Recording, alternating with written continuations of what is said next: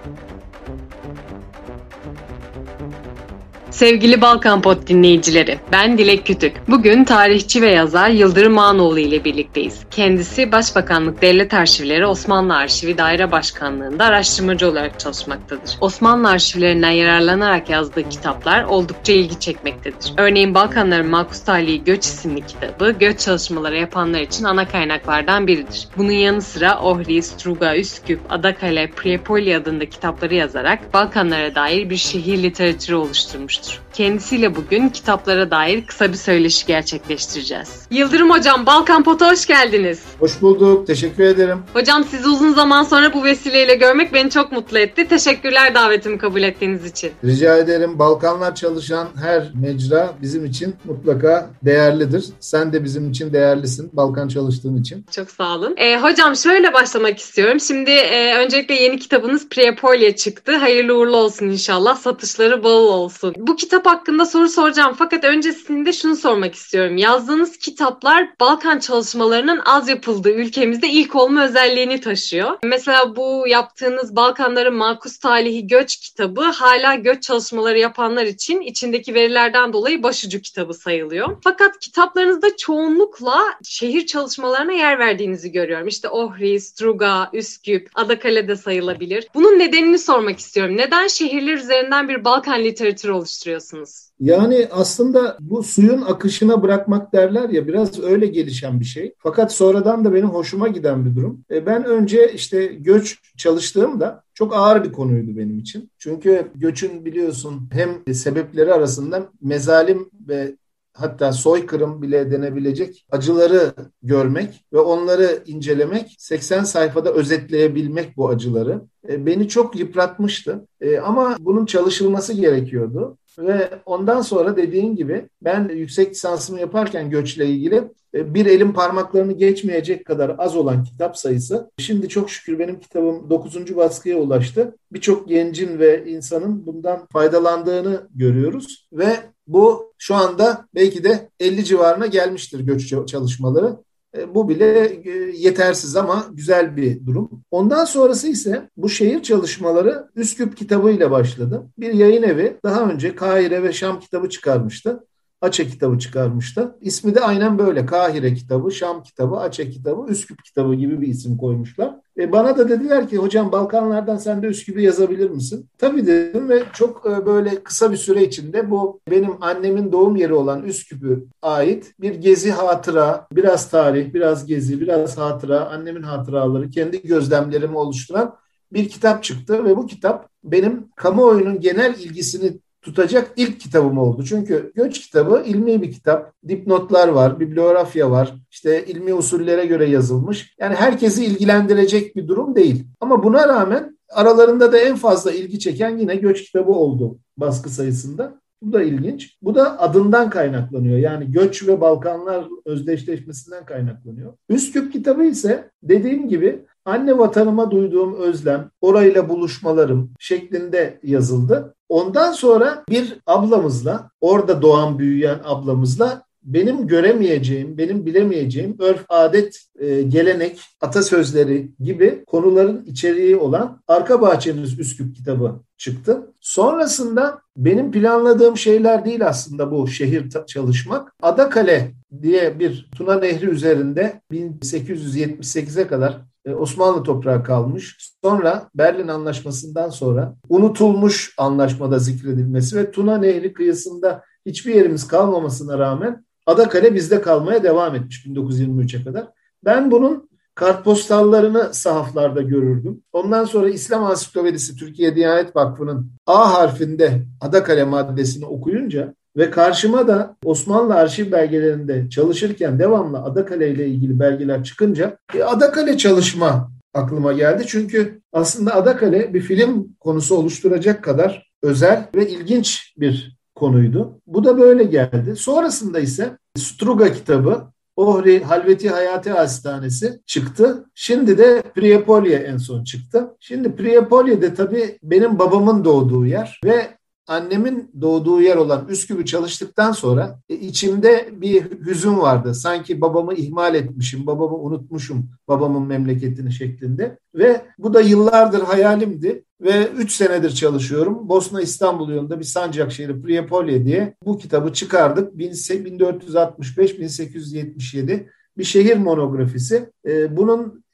daha sonra 1878-2021'de bir başka kitap olarak Priyapolye çıkacak. Şimdi neden şehir çalışıyorum? Çünkü Balkanlara aslında makro bakmak önemli ama mikro düzeyde de çalışmalar yapmak gerekiyor daha iyi anlayabilmek için. E, bu sebeple şehir çalışıyorum. Şehirleri anlamadan bölgeleri ülkeleri ve coğrafyayı da anlayamayız diye düşünüyorum. Yalnız şunu sormak istiyorum. Şimdi Priapoli'den bahsettiniz. Sizin bu kitabı çıkardığınızın duyurusunu yaptığınız bu Facebook ve Twitter paylaşımlarından sonra ben şöyle bir baktım hani Priapoli hakkında ne bulabilirim diye. Aslında e, Google'a yazdığınız zaman çok bir şey çıkmıyor bu e, şehir hakkında, bu e, kasaba hakkında. Nedir bu kitabı yazmanızdaki sebep? Şimdi evet babanızın e, yaşadığı yer, babanızın doğduğu yer fakat tarih çalışmaları çalışmalarında hangi boşluğu doldurma amacı gütmektedir bu çalışma diye sorayım. Şimdi şöyle, tabii Priyapolye aslında adından da anlaşılacağı gibi Bosna-İstanbul yolunda bir güzergah, bir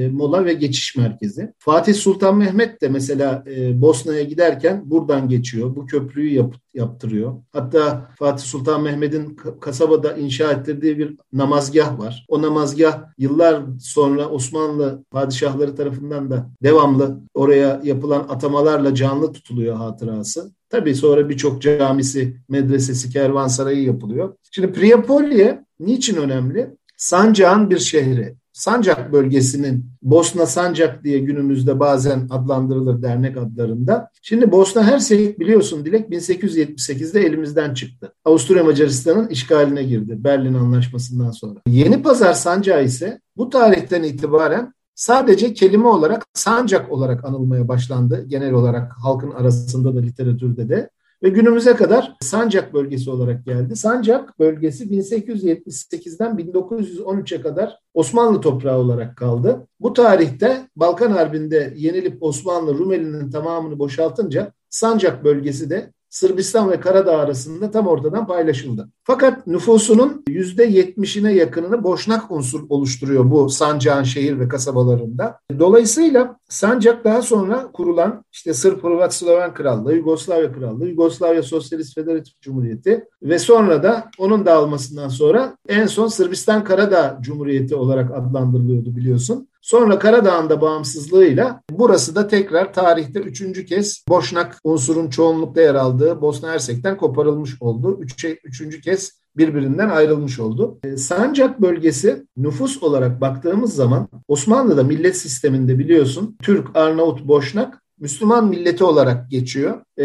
1900'lü yıllara kadar Türk ve diğer isimler işte kullanılmıyor. Müslüman milleti, Ortodoks milleti, Katolik milleti, Yahudi milleti diye din e, sınıflı bir sistem var. Şimdi Sancak bölgesi Bosna Hersek'teki yoğun Boşnak nüfusun Kosova'ya bağlayan, Kosova, Makedonya, Batı Trakya, Güney Bulgaristan, Kırcaali bölgesinin böyle e, haritada hayal edersek bir Müslüman nüfus kuşağının yer aldığı çok önemli bir coğrafya. Sancak aynı zamanda Boşnakların günümüzde yaşadığı ama ihmal edilmiş, ekonomik açıdan geri bırakılmış bölgeleri. Gerek karada gerek Sırbistan açısından söylüyorum bunu. İşte bu sebeplerden biraz daha sancağı tanıtmak, sancağı unutmamak ve tarih çalışmalarında eğer ki Osmanlı'yı bir bütün olarak anlamamız gerekiyorsa Bosna'dan koparılan sancağın daha sonra hala günümüzde bir Türk başbakanı ya da cumhurbaşkanı bölgeye gittiğinde Türk bayraklarının çıkarılıp binlerce insanın Türk bayrağı salladığı, hatta Sırbistan Cumhurbaşkanı Vučić'in Yeni Pazar'da Tayyip Erdoğan'la birlikte yaptığı mitingde burada seçim olsa herhalde siz kazanırsınız esprisini yaptığı bir bölge bize çok yakın ve Sancak'taki ve Bosna'daki insanlar da ırken Türk olmamalarına rağmen biliyorsun 1992-95 savaşında katledilen Boşnaklar Türk diye öldürüldüler. Hatta Mladiç'in videoları var. Şu Türkçe tabelaları kaldırın. Şu Türkleri işte ortadan kaldırın şeklinde. İşte bu yüzden kısaca Sancak çalıştım ve Priyapolye şehrini çalıştım. Hocam e, şunu sormak istiyorum. Dediğiniz gibi sancak aslında işlenmesi gereken önemli konuların başında geliyor. İşte sosyal, ekonomik, dini yani birçok meseleden ele alınması gereken problemler mevcut bölgede ve oradaki insanların yaşamlarını da gerçekten derinden etkileyen sorunlar mevcut. Benim burada sormak istediğim şey şu. Priapolye kitabınızda evet sancağı ele aldınız fakat hangi açılardan ele aldınız? Yani içeriklerinizde tam olarak neler mevcut diye sorayım. Biraz da kitap hakkında bilgiler almış olalım. Bütün kitaplarımda günümüz günümüze getirmek istiyorum konuyu ve günümüzle mutlaka bir bağlantı kurmak istiyorum. Dolayısıyla mesela bu kitaba da başlarken Sancak adı, e, şehrin adı, nüfusu, coğrafi konumunu işlerken tarihsel süreçte şehrin adını, şehrin günümüzdeki nüfusunu, Sancak bölgesiyle birlikte Priapolya'nın coğrafi konum, etnografik durumunu da inceledim. Ve özetle birkaç sayfada olsa Sancak'ın asli halkı Boşnakların kimlik mücadelesini. Çünkü Boşnakların kimlik mücadelesi günümüzde hala sürüyor. Ee, mesela daha yakınlarda Sırbistan Devleti Sancak'taki Boşnaklara Boşnakça dersini koydu. Daha önce biliyorsun onları Müslüman olarak adlandırıyordu. Müslümanı bir etnik kimlik olarak tanımlıyordu. Yani din olarak tanımladığı zaman küçük M ile yazıyordu Müslümanı. Etnik kimlik olarak tanımladığı zaman büyük M ile yazıyordu. Bu Tito zamanından kalan e, hatta Avusturya Macaristan hakimiyetine giden bir sorundu. Bunlar hakkında bilgi verdikten sonra ben Sancak hakkında şu tabii ki Osmanlı arşiv belgelerine dayanarak çalışıyorum bütün kitaplarımı. Literatüre bu noktada bir katkı sunmak istiyorum. Çünkü daha çok yabancı dilde yapılan araştırmaları benim inceleme şansım yok. Bu noktadaki eksiğimi Osmanlı belgelerini kullanarak kapatmaya çalışıyorum. Çünkü birçok yabancı kaynakta çok iyi yabancı dil bilmelerine rağmen maalesef Osmanlı belgelerini kullanmıyor. Böyle bir sorun söz konusu. Bu yüzden ben Osmanlı arşiv belgelerini çok yoğunluklu kullanıyorum. Sancak'la ilgili bu kitapta 3000'e yakın belgeyi ben değerlendirdim ve bu noktada 3 bölümde kitabımı inceledim. Birinci bölümde Osmanlı döneminde Prepol'un ki Prepol diyorum Osmanlı Prepolye'ye biraz diline uyarlamış ve Prepol olarak adlandırmış. Benim babamın da 1932'de geldiği Türkiye'de kendisine verilen nüfus cüzdanında Prepol olarak yazıyordu. Ben de kitabıma şöyle başladım. Bu çok enteresandır. Prepolye neresidir? Babamın nüfus cüzdanında yazan Prepol iblasıyla yer alan bu şehir niye günümüz haritalarında bulunamamaktadır? Oradan iki yaşında göç eden babam bunu niye açıklamamıştır? Şeklinde başladım. Yani yer isimlerindeki değişime vurgu yapmak istedim. Osmanlı'nın Prepol yazdığını hiçbir haritada bugün bulamazsınız. Birkaç Osmanlıca haritaya bakarsanız bulursunuz ki o da internette yoktur mesela. Şimdi Prepol'ün idari dini askeri yönetimi derken Osmanlı hakimiyetine girişi, ondan sonra idari taksimatta nereye bağlıydı? Önce tabii ki Bosna vilayetine bağlıydı. Sonra zaman zaman Hersek vilayetine bağlandı. Bunları inceledim. Prepol'ün mahallelerini inceledim ki İbrahim Paşa Mahallesi, Mahmut Bey Mahallesi ve Sinan Bey Mahallesi diye üç ana mahallesi var. Bir de Varoş Mahallesi var Hristiyanların yaşadığı. Kazada görev yapan kaymakamlar, müftüler bunları inceledim. Askeriye ve asayiş konularına değindik. Yeni Pazar Sancağı'nın askeri ve stratejik önemini Hüseyin Kaptan, Gradaçaçlı Hüseyin Kaptan isyanına biraz değindik. Çünkü burada da savaşlar yaşanmış. Hüseyin Kaptan isyanında ki Bosna, Boşnaklar açısından Hüseyin Kaptan milli bir önder. Tabii ki Osmanlı'ya göre isyan olarak değerlendiriliyor bu. İkinci bölümde Prepol'deki Osmanlı eserleri ve vakıflarını inceledim. Devlet yatırımları, vakıflar, eserler, camiler, tekkeler, köprü, saat kulesi, hamam, han, kervansaraylar gibi eserleri inceledim. Üçüncü bölümde ise Priapolya'daki iktisadi ve sosyal hayata değindik. Çarşı, pazar ve meslekler neydi? Alınan vergiler nasıldı? Sosyal hayat nasıldı? Nüfus ve dini dağılım nasıldı? Osmanlı döneminde yapılan erişebildiğim tüm nüfus bilgilerini, kaynaklarını kullanmaya çalıştım belgelerde. Tahrir defterleri buna dahildir. Hersek sancağında İslam'ın yayılışını inceledim. Bunu incelerken bu direkt Priapolya'yı değil, bütün bölgeyi e, ilgilendiren bir konu. İslam nasıl burada yayıldı ve Boşnaklar nasıl kademeli olarak çok uzun yani 150-200 yıllık bir süreçte nasıl Müslümanlığı kabul ettiler? Öyle birdenbire bir günde bir yılda değil. Bunu inceledik. Tabii ki eğitim, burada açılan okullar, mahalle mektepleri ve daha sonra e, mektepleri ve Rüşdiye Mektebi gibi konuları inceledik ve geniş bir fotoğraflarla, haritalarla kitabı zenginleştirmeye çalıştık Dilek. Gerçekten elinize sağlık ve emeğinize sağlık hocam. Siz bölgeye de sürekli gidip gelen birisiniz. Ayrıca tüm yaptığınız çalışmalarda arşivlere özel önem verdiğinizi kendiniz de söylediniz. E, burada şunu sormak istiyorum. İşte Ohri, Struga, Üsküp, Adakale, Priapolye gibi şehirlerde, yerlerde Türkiye'nin bölgedeki etkisini ve potansiyelini nasıl değerlendirirsiniz? Yani eldeki imkanları ve imkansızlıkları de göz önüne alarak e, Türkiye'nin bölgedeki varlığı hakkında nasıl bir yorum yapabilirsiniz diye sorayım. Bir tarihsel literatüre sahipsiniz. Bunu biraz günümüze taşıdığımızda Türkiye'nin bölgedeki varlığını nasıl okumamız gerekiyor diye bir soruyla kapanış yapabiliriz diye düşünüyorum hocam. Evet şimdi e, benim bir kitabım var. Ben şimdi sadece tarihçi değilim. Ben aynı zamanda bazen alan araştırması da yapıyorum gittiğim ülkelerde. Mesela buna bir örnek vermek isterim. Ohri Struga Benim Vatanım diye bir kitap yazdım. Ee, bir taksi şoförü bu kitapta 30'a yakın insanla röportaj yaptım. Ohri ve Struga insanını tanımaya çalıştım. Orada yaşayan Türkler, Arnavutlar ve Makedonlar buna dahildir bu röportajlara. Milletvekili, belediye başkanı, doktor, mühendis, öğretmen, taksi şoförü, normal bir işçi gibi çok değişik toplum katmanlarından oluşan insanlarla röportajlar yaptım.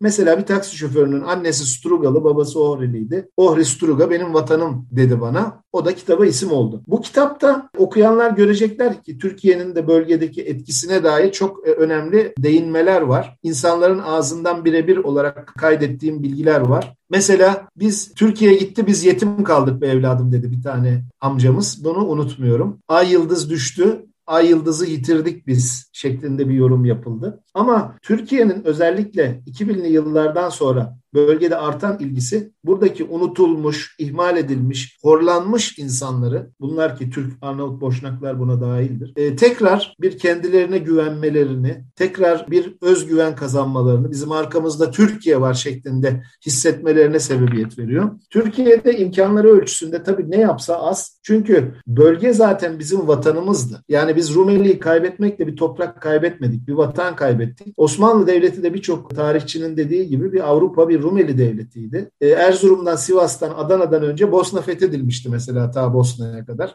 Bu çok önemli. Trabzon'dan önce e, Üsküp fethedilmişti. İstanbul'dan önce Üsküp fethedilmişti. Bunu çoğu insanımız bilmiyor. Tarihçilerimiz de buna yeterince önem vermiyor günümüzde. Rumeli'nin kaybı basit bir toprak kaybı olarak gösteriliyor. E, Rumeli'den göçler bizi Türkiye'yi ne kadar etkilediğini biliyoruz ki Türkiye Cumhuriyeti'nin kurucusu da annesi ve kız kardeşi yani Zübeyde Hanım ve Makbule Hanım bir Rumeli muhaciri olarak sığındı bize. Atatürk e, Mustafa Kemal o zamanki ismiyle savaştaydı. Onları bile sonra bulabildi. Dolayısıyla Türkiye Cumhuriyeti'nin kurulucusu, kurucusu bile bir Rumeli muhaciri. İstiklal Harbi'ne katılan komutanların %60'ı Tugay ve Tümen komutanlarının, generallerinin %60'ı Rumeli kökenli. Bu insanlar neden önemli? Çünkü bu vatanı kaybettikten sonra geldikleri Anadolu'da artık kaybedilemeyecek son vatan olarak gördüler bu toprakları. Ve Trakya ile birlikte Anadolu bir bütün olarak Türkiye Cumhuriyeti'ni oluşturdu. E, hala bizim orada yaşayan göçmenler gelmesine rağmen hala orada yaşayan çok ciddi bir nüfusumuz var. Türkler var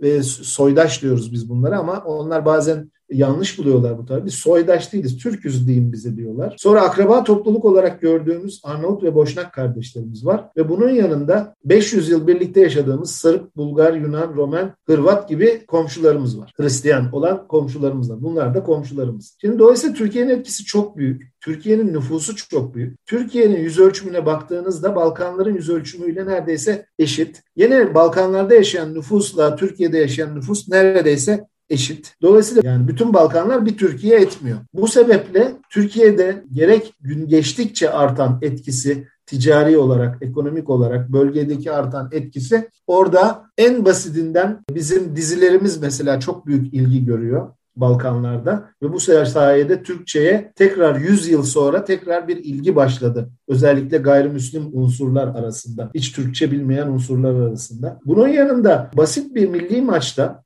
Türkiye'nin herhangi bir ülkeyle yaptığı bir milli maçta, Türkiye-Hırvatistan milli maçı olduğu zaman Kosova'da, Üsküp'te, e, Bosna'daki insanların Türk bayraklarını alıp çıktıklarını görüyoruz. Yani bölgede Türk adı aslında ırkı aşan bir kavram. Türkçe'de aslında kaybedilen imparatorluğa duyulan bir özlem aslında. Özellikle Müslüman unsurlar açısından söylüyorum bunu. Çünkü Türkçe konuşmak Osmanlı Devleti zamanında da bir e, imtiyaz, bir ayrıcalıktı. Çarşı pazar dili, şehir dili Türkçeydi. E, şimdi tekrar ona bir dönüş görüyorum ben. Türkiye bölgede yükselen bir değer ve e, oradaki insanlar da bunu biliyorlar. Yap, yapılan restorasyon çalışmalarıyla TİKA'nın bölgedeki yaptığı katkılarla, desteklerle hastanelere ya da ekonomik olarak insanlara, işsizlere meslek öğretimi yapılarak ya da makine alınarak onlara. Keza Yunus Emre Enstitüsü'nün, açılan Yunus Emre Enstitüsü'nün her taraftaki Türkçe kurslarına ilgiler çok büyük. Türkiye Diyanet Vakfı'nın bölgede e, camileri onarması, restore etmesi çok büyük bir önem taşıyor. Yani biz elimizden geldiği kadarıyla ki Türkiye'de ekonomik sorunlarla boğuşuyor. Oradaki bıraktığımız ve unuttuğumuz eserlerimize ve insanlarımıza sahip çıkmaya çalışıyoruz. Bölgede belki de harita üzerinde hesapları olmayan tek ülke Türkiye. Çünkü bunun dışında Balkanların şu anda en büyük problemi Büyük Bulgaristan, Büyük Sırbistan, e, Büyük Arnavutluk gibi tırnak içinde büyük problemler e, taşıyor. Bunlar Balkanlarda barışı ortadan kaldırabilecek hamleler. Dünya konjonktürü müsaade etmiyor ama çok yakında yaşadığımız 1992-95 Bosna Hersek krizi, 1999 Kosova krizi, 2001 Makedonya İç Savaşı gibi yaşanan e, sorunlar bölgenin nasıl bir barut fıçısı olduğunu ve en ufak bir kıvılcımda her an e, patlayabileceğini ortaya koyuyor. İşte Türkiye bunun olmaması için elinden geleni yapıyor bölgede barışın hakim olması için bütün devletlerin toprak bütünlüklerine saygı duyuyor ve mesela Türklerin ve diğer toplulukların içinde bulundukları devletlerin ana unsuru olduğunu unutmamaları ve oraya hizmet etmeleri e, ve barışın teminatı olmalarını da sağlamaya çalışıyor diye bitirelim. Çok teşekkür ediyorum hocam bu verimli ve güzel sohbet için. Çok sağ olun, ağzınıza sağlık. Ben teşekkür ederim, sağ olasın. Sevgili Balkan Pod dinleyicileri, haftaya yine aynı gün ve aynı saatte farklı bir konu ve konukla görüşmek üzere.